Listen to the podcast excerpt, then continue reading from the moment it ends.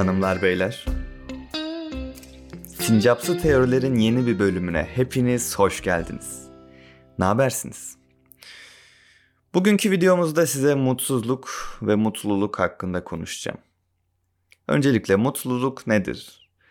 Mutluluk muta sahip olan kişidir. Mut nedir? Hemen Google'a soralım. Google diyor ki, bütün özlem ve isteklerin tam ve sürekli olarak yerine gelmesinden duyulan kıvanç. Mutsuzluk nedir? Bunun yoksunluğudur. Neyse, mutluluk üzerine devam edelim. Mutluluk nedir? Hayatımızın amacıdır. En sonunda ne bileyim çalışırız ederiz, mutlu olacağımız bir işi yapmak isteriz ya da mutlu olmak için para kazanmak isteriz. Ya da sevdiğin eğlenceli bir şey yapınca mutlu olursun gibi iyi olan her şeydir. Bir bakıma. Mutsuzluk nedir? Kötü olan her şeydir. Eğer sıkıcı, istemediğin bir iş yaparsan mutsuz olursun.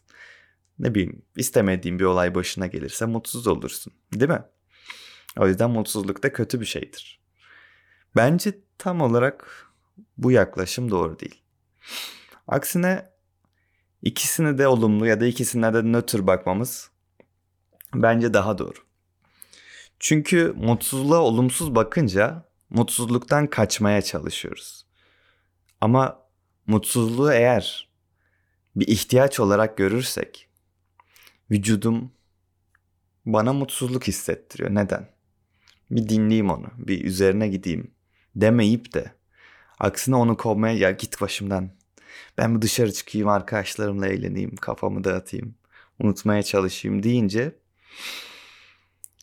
tam da kurtulamıyoruz sanki? En azından kendi adıma konuşuyorum. Sanki öyle oluyor. Ben bu durumlarda eğer bilinçli bir şekilde farkına varır ve hareket etmeye çalışırsam aksine mutsuzluğumla yüzleşmeye çalışıyorum. Ben bunu nasıl yapıyorum? Beni daha çok mutsuz olacak, edecek şarkılar dinleyerek. Ve bir süre sonra görüyorum ki mutsuzluğa doymuş oluyorum. Bu genelde bir saatin sonunda falan oluyor. Bir saatin sonunda artık vücudum tamamen mutsuzlukla kaplanmış. Ama daha da mutsuzluk istemeyecek bir halde oluyor. Yani artık bir doygunluğa ulaşmış oluyorum.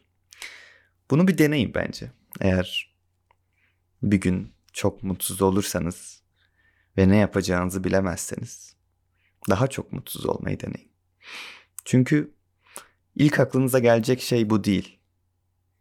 İçgüdüsel olarak hep kaçmaya çalışıyoruz. Belki içgüdüsel olmayabilir ama böyle öğretildi belki de.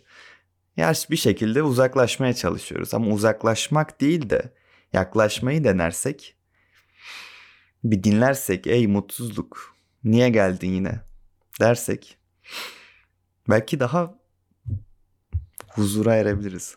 Daha mutlu olabiliriz demek istemiyorum. Çünkü dediklerime tamamen ters bir şey olmuş oluyor. Böyle. Bence mutsuzluğa açlık gibi yaklaşmalıyız yani. Nasıl açlıktan kaçmıyoruz da aksine doymaya çalışıyorsak mutsuzluğa da bu şekilde bakmalıyız. Çünkü açlıktan kaçarsan daha çok acıkırsın. Daha çok acıkırsan daha çok yemek yemek istersin. Yani daha çok mutsuz olursun gibi bir benzetme yapmak istedim. Bence çok kötü bir benzetme değil. Umarım anladınız. Bu şekilde